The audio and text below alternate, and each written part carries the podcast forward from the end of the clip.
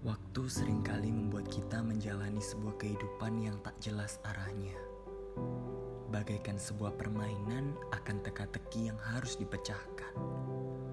Jika bermain sebuah teka-teki memerlukan sebuah petunjuk untuk dapat menyelesaikannya, kali ini sang waktu tidak memberikan satupun sebuah petunjuk untuk kita.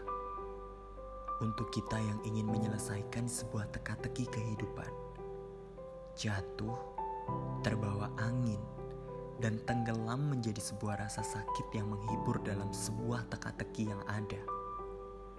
Hingga pada masanya, kita akan merasa bosan dengan hiburan itu, bahkan menjadi patah harapan.